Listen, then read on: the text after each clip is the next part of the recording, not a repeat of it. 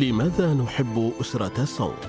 دعونا نستكشف السحر الفريد لأسرة ينظر إليها كونها واحدة من أعظم الأسر الإمبراطورية في تاريخ الصين.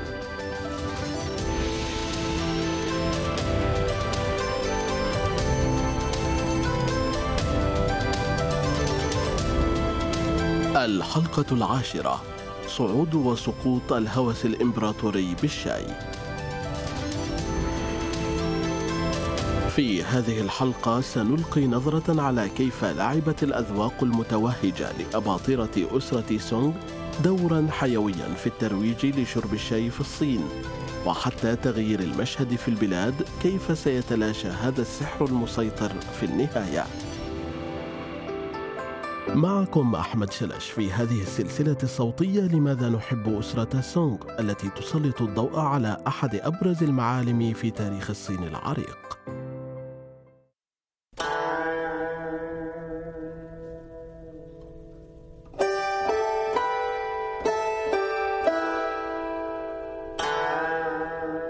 كان إمبراطور أسرة سونغ خويت رجلا موهوبا للغاية للأسف كان خبيرا في كل شيء تقريبا باستثناء الحنكة السياسية والتي قد تعتقد أنها مهارة لا غنى عنها للحاكم. كان خطاطا ماهرا ورساما أيضا، لقد جمع الفنون الجميلة وكان يستمتع ببستنة المناظر الطبيعية وتصميم الحدائق. وبطبيعة الحال بذلت حاشيته قصارى جهدها لإسعاده وهو ما يعني في الأساس تغذية كل تلك الشهية الفنية التي لا تشبع. مع ذلك فقد كان مغرما بالشاي لكن الإمبراطور خويتسون لم يعجبه أي شاي قديم.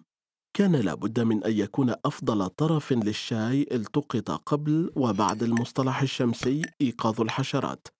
كان لابد من صنع الشاي بأفضل أنواع المياه وباستخدام أفضل الأواني يرتشف من أفضل الأواني الفخارية. في الأساس يجب أن يكون كل شيء بأفضل صورة. نحن نعرف كل هذا لأنه كتب كتابا مقالة عن الشاي حدد فيه تماما كل ما يعرفه عن تحضير الشاي وكان ذلك كثيرا. نمو صنع وشرب.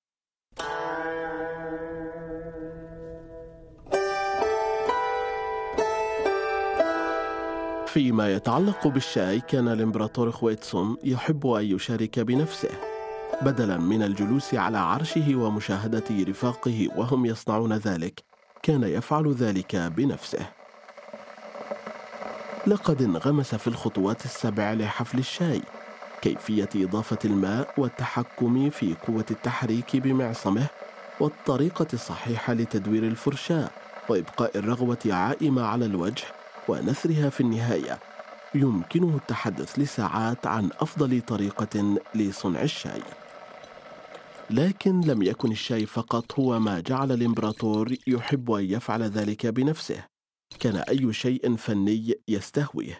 غالبا ما فضل هذه الأنشطة على شؤون الدولة. ربما كان أحد الأسباب الرئيسية التي أدت إلى سقوط إمبراطوريته في نهاية المطاف. تذكر أنه في مجتمع سونغ كان الإمبراطور هو من يحدد الاتجاه مهما فعل فعله حاشيته وكذلك النبلاء حتى الناس العاديين. لولا هذا الهوس بالأشياء الدقيقة في الحياة لما امتلكنا ثروة من المساعي الفنية التي تعود إلى عهد أسرة سونغ.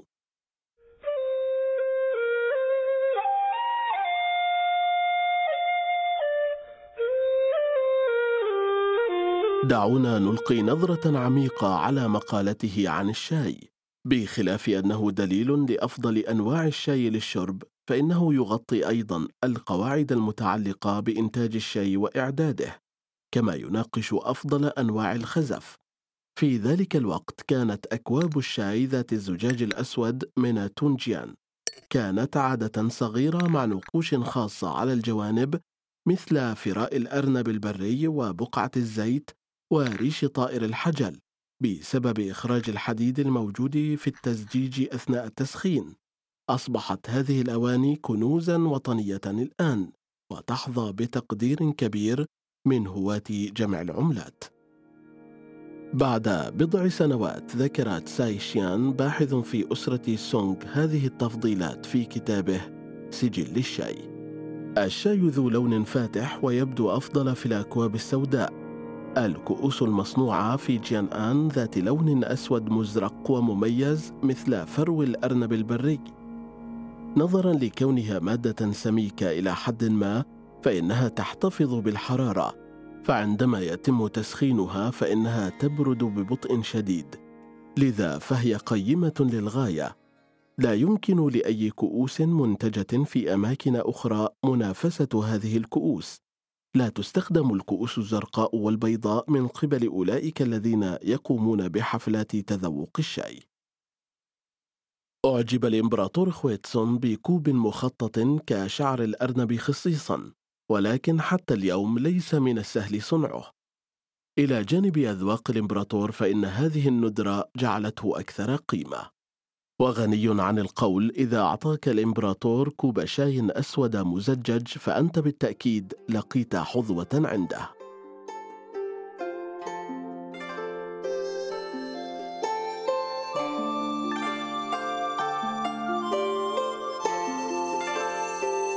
لم تشكل أذواق الأباطرة أذواق البلاط فحسب بل شكلت أيضا المناظر الطبيعية في الصين أيضاً. كان الشاي المفضل على الإطلاق هو الشاي الأبيض لدرجة أن الناس أمروا بزراعة أشجاره وسرعان ما امتلكت كل أسرة مثل هذه الشجرة في حديقة الشاي الخاصة بهم. تم إرسال أفضل أنواع الشاي كهدايا لكبار المسؤولين والعلماء. لكن هذه العادة أخرجت أسوأ ما في الناس في بعض الأحيان حيث كانت هناك حالات تخريب في الواقع من قبل المزارعين الذين يشعرون بالغيرة من أشجار الشاي عند جيرانهم. كتبت سايسيان ذات مرة قصيدة عن محصول دمر بسبب الغيرة طور غصينا جديدا رغم كل العقبات جعلت أوراق الشاي أفضل من ذي قبل.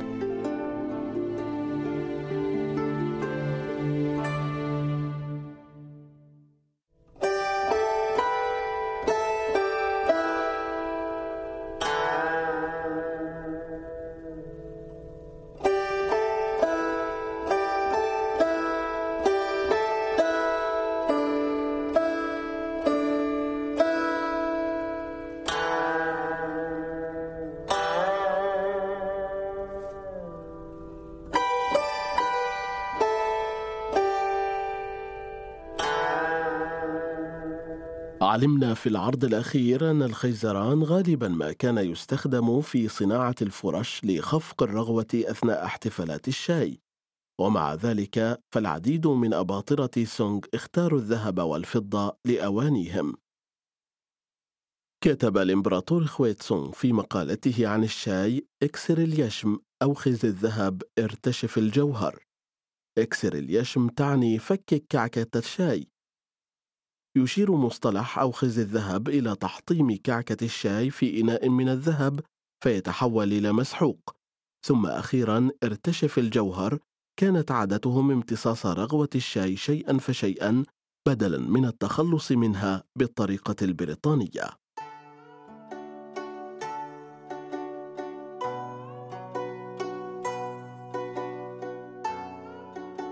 ما طار طير وارتفع إلا كما طار وقع. إنه قانون علمي. بينما كان أباطرة سونغ مهووسين باحتفالات الشاي ظلت هذه العادة شائعة في جميع أنحاء المملكة بين كل الطبقات الاجتماعية. تتلائم بشكل جيد مع بقية عادات أسرة سونغ كالتأمل وجمع الأشياء الجميلة وتقديرها. لكن التأملات في تناول الشاي لم تكن دينية ابدا بل كانت أكثر ارتباطا بشعور من الرضا عن النفس. في الواقع طالما كان المكان مناسبا فقد تم تقدير الشاي لأي سبب كان وكانت العملية نفسها محل تقدير ويمكنك التباهي بكل هذه الأشياء أمام حاشيتك ونبلائك وشعبك ثم كان كل شيء في حديقة الشاي رائعا. لا يستطيع معظم الناس العاديين معرفة ما إذا كان الشاي رائعا أم لا. نعود إلى شوارع أسرة سونغ ستجد أشخاصا يضيفون البصل الأخضر والزنجبيل وقشر اليوسف وحتى كعكة العجين إلى الشاي طالما أنه يروي العطش فما الذي يهم بعد؟ لعب الشاي أيضا دورا في تعيين المناصب الرسمية خاصة مفوض النقل في فوجيان الذي كانت وظيفته الرئيسية تحديد أفضل أنواع الشاي وشحنها إلى قصر الإمبراطور. غالبا ما يتم ذلك على حساب الناس العاديين.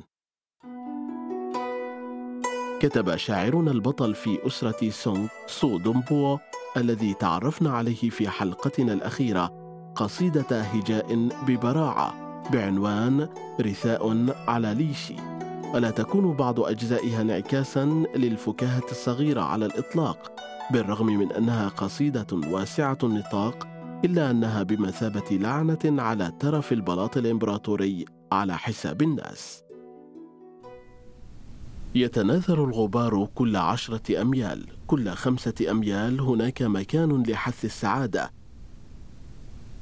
يموت الرجال مثل الذباب بينما تصطف جثثهم على الطريق حتى يمكن إرسال الليتشي واللونجان إلى البلاط الإمبراطوري. تتسابق العربات فوق التلال وتجوب القوارب البحار. تجد الفاكهة المقطوفة الجديدة على الأغصان الطازجة والأوراق لا تزال ندية.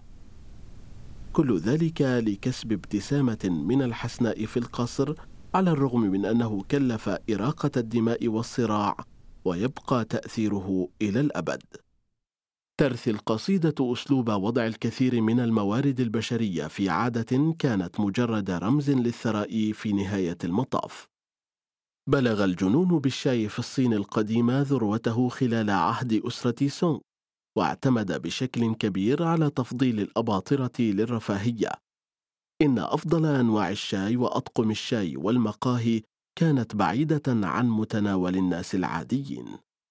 بعد أن فقد الأباطرة الشغف بالشاي انخفض تقدير الشاي بشكل ملحوظ. لم تكن الأسر اللاحقة مدمني شاي. على سبيل المثال لم يكن الإمبراطور المؤسس لأسرة مينغ جو يوان جانغ لم يكن مرتفع النسب.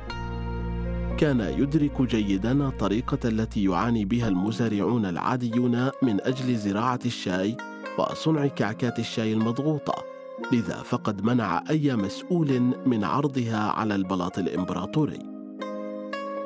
في هذه الأيام على الرغم من الانتعاش الكبير في شرب الشاي في الصين، نادرا ما يشرب الصينيون مسحوق الشاي كما كانت تعرفه أسرة سونغ. يبدو أن هذه العادة طواها النسيان. هناك شيء واحد لن يتغير أبدا، أن الصين ستظل دائما مرتبطة بالشاي. ويرجع الفضل في ذلك إلى حد كبير إلى أسرة سونغ على الرغم من أن الأمر هذه الأيام لا يتعلق فقط بجعل الشاي يبدو جيدا بل يجب أن تكون رائحته وطعمه رائعين أيضاً